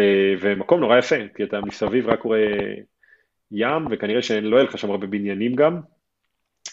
מקום עם קצב משלו, וקאבו ורדה זה מקום מהמקומות האלה, ואני הרגשתי שהייתי שם, שהשילוב הזה של האיים פלוס הפורטוגזיות, שזה גם משפיע הרבה על התרבות, אה, גם על הבנייה וגם על השפה ועל המוזיקה, וגם בעצם היותם אפריקאים, כאילו, אתה יודע, אנשים שחורים, כל הדבר הזה, זה יוצר איזשהו פיוז'ן כזה נורא מגניב, נורא מעניין, שאתה לא מצפה לפגוש, וכל אי שם יש לו קטע אחר, יש לו את האי עם העיר בירה שהוא יותר מפותח, אה, יש לו אי שהוא יותר, אה, יותר פשוט ויותר אה, כפרי דייגים כאלה קטנים, שאתה שוב, שם נראה לי נחשפתי לזה פעם ראשונה, אתה יודע, אתה עובר ליד איזושהי מסעדה מקומית ויש כמה חבר'ה מקומיים שיושבים ואוכלים שם דגים במסעדה, אומרים לך בוא בוא תשב איתנו, תאכל איתנו את הדג. דברים כאלו. זה זהו זה החברתיות שלהם והתשוקה שלהם לעזור לך זה, זה מטורף. ובוא שנייה לסיכום ניתן איזושהי חוויה אחת איזה חוויה אחת אה, מרכזית שקופץ לך לראש מאפריקה או בכללי מהטיול הזה ספציפי. אני יכול להגיד לך ש... שבאחת מה... מהסיטואציות אז אה, בגאנה אז הגענו לאיזשהו במקרה לגמרי, לא בכלל ידעתי על זה, לא חשבתי על זה, הגענו לאיזשהו מלך מקומי, שזה, מלך זה בהיררכיה של הצ'יף, אז כאילו יש לך mm-hmm. צ'יף וצ'יף אזורי ואז מלך, שהוא אחראי על אזור, תחשוב כמו שאחראי על כל האזור של הנגב או על כל אזור הצפון, מישהו אחראי על מלא שטח כאילו. בן אדם בן 90 ומשהו, כאילו זקן, עכשיו אתה יודע, זה נדיר במדינות האלה להגיע לגילאים האלו, שם נכון. מתים בגיל 64. ובן אדם זקן, שיער לבן, נראה בן אדם, פשוט אתה מסתכל עליו בפנים, אתה אומר, זה בן אדם חכם. רק לפי המראה. גלימה מזהב, אחי. יושב על הרצפה, על שטיח מאור של פרה, ובתוך הצריף שלו, וזה היה במקרה, אני עברתי עם, ה, עם החבר שלי, עברנו ליד הצריף שלו, והוא קלט אותנו. הוא קרא לנו להיכנס, כי הוא ראה שאני לבן. ככה סתם אתה יכול להיכנס לארמון של מלך, כאילו as is? אין איזה שומר בכניסה? אני לא הייתי מזמין את עצמי. הוא שלח את העוזר שלו, איזה בחור צעיר, הוא שלח את העוזר שלו לקרוא לנו. כי הוא ראה בן אדם לבן, הוא אמר, בוא נקרא לו, מעניין מה הוא עושה פה. כמובן שהוא גם, הוא לא יודע אנגלית, והוא כנראה שהוא עוד היה בגאנה מתקופת הקולוניה הבריטית, אבל uh, בכל מקרה אז אנחנו יושבים, ואז דרך המדריך שלי הוא שואל אותו, דרך התרגום, הוא שואל אותי מאיפה אני, והוא שואל אותי, What is your mission here? ואני כאילו, מישן? מה מישן? מה אני במשחק מחשב? מה, מה זה משימה? באתי לראות, מה, תעזוב אותי, באתי לראות כן, עולם. כן, באתי לראות, לרקוד אפרוביץ, אה, לחפש קצת ווד, לעשות סרטונים, כאילו, וזה, לא... הוא אומר לי, yeah, but what is your mission that, that brought you here? ואז אני פתאום כאילו, אתה יודע, שואל אותי את זה עוד פעם, ואני כאילו אומר לעצמי, בואנה, יכול להיות שיש, באמת יש לי איזושהי משימה פה שאני לא מודע אליה, ברמה, ברמה, אתה יודע, הרוחנית, או ברמה שהיא לא תת מודעת. Mm-hmm. וזו שאלה ששאלתי את עצמי באותו רגע, וגם שאלתי את עצמי אותה בהמשך המסע שלי באפריקה, ואמרתי לו, באותו רגע, כאילו, התשובה שיצאה לי, אמרתי, אני חייב לתת לו איזושהי תשובה. ואמרתי לו, אני פה כדי אה, להראות את אפריקה לאנשים שלא הולכים להגיע לכאן. הופה, זו תשובה יפה. יפה ששאלת את זה ככה מהמותן. לא, כי זה התחבר לי עם הבלוגר וזה, ויצירת תוכן, כאילו, כי, כי, כי גם נורא התלהבתי לשתף את המסע הזה, כי אמרתי, טוב, אתה יודע, עכשיו אני פה בקולומביה, אחוז מאוד גבוה מהעוקבים שלי יגיעו לפה או הגיעו לפה כבר וזה. גאנה, מי יגיע לשם? כאילו, נדיר, אחי. נכון. אז זה באמת, אפשר להגיד באיזשהו מקום, שליחות. ו... אז אמרתי לו, אמרתי לו, כאילו, השתלבתי לשתף את זה, אמרתי לו, המשימה שלי זה באמת אה, לבוא ולהראות את, אה, את המקום הזה לאנשים שלא יגיעו לפה. ואז הוא שאל דרך החבר שלי המתורגמן אם הוא יכול לברך אותי. אמרתי לו, מה הכוונה? אז הוא אומר, אני רוצה לברך אותך ברכה שהיא אישית ממני אליך, בלשון המסורתית שלנו, שהמטרה של הברכה הזו, זה שעד היום האחרון שלך פה, במסע שלך באפריקה עם המשימה הזו, שום דבר לא יכול לקרות לך, והמשימה שלך תושלם בהצלחה. יפה. זה לא את השלשול, אבל זה... זה לא, לא, זה לא עזר גם בתחום הזה, אני יכול להגיד. אבל, אה, אבל שמע, הוא אומר לך את זה, ואתה יודע, אתה, זה בן אדם שכאילו, הזה שלידי, הוא, הוא לא מצליח לעכל בך את הסיטואציה מהרוב, מה, מהדרגת קודש שאנחנו יושבים פה, שנמצאים בה, אתה יודע. ואני פשוט רואה, מבחינתי זה איזשהו סבא לאתיופי, כאילו, אני לא...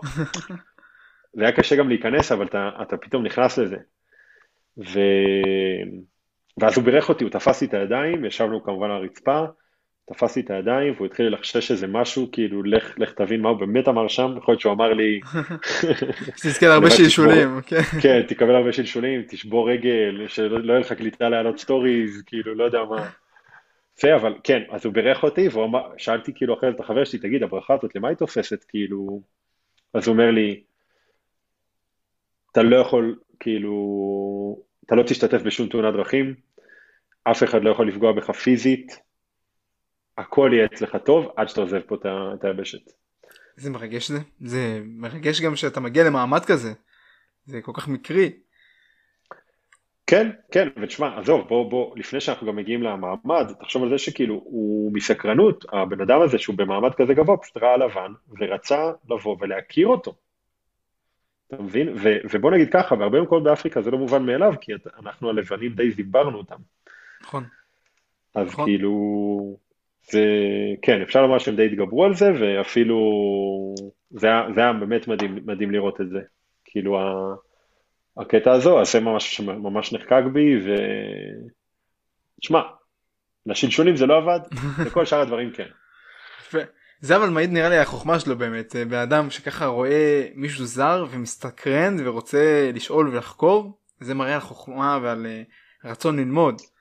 אז אה, מתאים לו מלך, אין מה לעשות, זה כנראה באופי לא שלו. לא שהיה לו מושג מה זה ישראל, כן? אבל... אה, כן, יכול להיות שגם את הישראלי הראשון שהוא פגש, לך תדע. נכון, מאמין אפילו נכון, שזה נכון. הסיכוי. דרך אגב, לפני שבוע, זה כפר שהייתי בו פה בקולומביה, בחוף הפסיפי, גם הייתו טרייבר ואני הראשונים הראשונים, ש... הישראלים הראשונים שהגיעו לשם. מטורף. אין, זה תחושת חלוציות וזה קרה לי בסינגפור פעם אחת שבאיזה חנות סיפרתי למישהו שאני מישראל ואז הוא שאל אתה יהודי? אמרתי לו כן, הוא אומר וואי בחיים לא ראיתי יהודי. אמרתי לו טוב אני לא דוגמה כל כך טובה לאיך נראה יהודי אבל... למה אחי מה? זה זה מרגש. יש הרבה סוגים של יהודים ואתה סוג נכון. אחד ויש עוד סוגים. אמרתי חסר לי אף זה ה... לפחות זקן היה לך? כן זקן היה. זה ישראלי דווקא. זה ישראלי קלאסי כן. אין מה לעשות. זהו אז באמת תקשיב תודה רבה. הבאת לנו פה כל כך הרבה חומר וחוויות וזה רק רק מעורר חשק ללכת ולעשות את זה כי למרות כל הקשיים שזה מאתגר וזה לא פשוט ללכת למקום כזה זה דווקא ההפך זה יותר מושך. אני חושב שזה כמו אש שאתה רק רוצה להימשך אליה וללכת אליה ודווקא זה לא נשמע כזה נורא. כאילו אני חושב שהשד לא כזה נורא וזה אפשרי וזה דווקא יעדים מיוחדים וחדשים שנותנים לך את התחושת אה, ההרפתקנות הזאת שאין לך במקומות אחרים. אז אה, כן חד משמעית.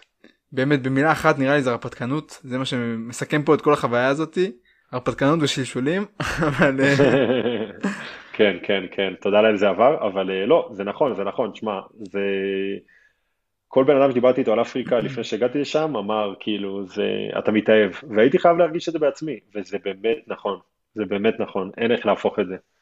לא משנה לדעתי פה זה לא משנה יותר מדי על איזה אזור באפריקה אנחנו מדברים אתה רואה שם את, ה, את הערכים של האנשים ו, ואתה אומר כאילו יש לי כל כך הרבה ללמוד מהם ושלא נדבר על כל הצבעוניות כאילו וכל היופי של הריקודים והתלבושות והשירים וזה אה, אז כן, אז אתה יודע, אם באמת בן אדם, אה, כל, כל פעם שאנחנו יוצאים לטייל בעולם אנחנו מקריבים קצת מהנוחות שלנו.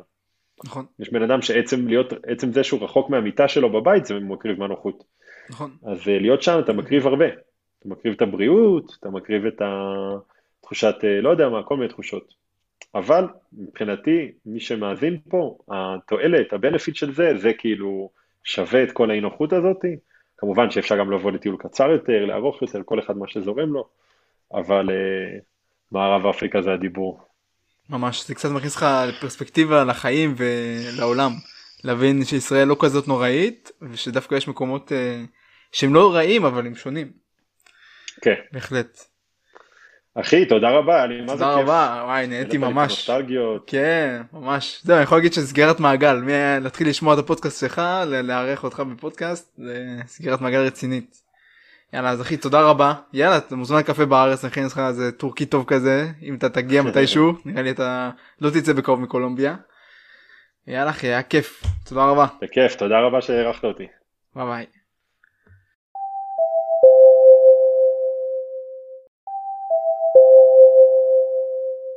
אז מה היה לנו היום? היה לנו תועד שלקח אותנו לחוויה סופר מיוחדת במערב אפריקה. לקח אותנו לגאנה, סנגל ובנין. שלוש מדינות שבוא נגיד זה ככה לא נראה לי נמצאת על, נמצאות על מפות התיירות של רוב הישראלים. אבל תכלס חבל שכך כי אני חושב שזה מקומות סופר מיוחדים עם תרבות סופר מיוחדת שאין שני לה למעשה.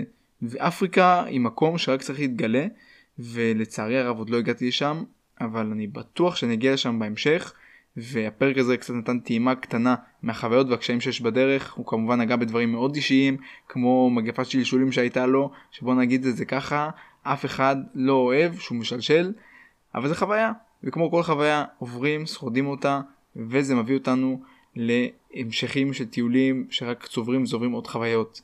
אז אני מקווה שזה עשה לכם חשק. תודה רבה שהאזנתם לנו, אנחנו היינו מטוסי נייר, אפשר למצוא אותנו בכל הרשתות החברתיות, באינסטגרם ובפייסבוק, פפרס פלנס פודקאסט, שתפו, לקקו, תעבירו את זה הלאה, ויאללה, נראה אתכם בפרקים הבאים. ביי בינתיים.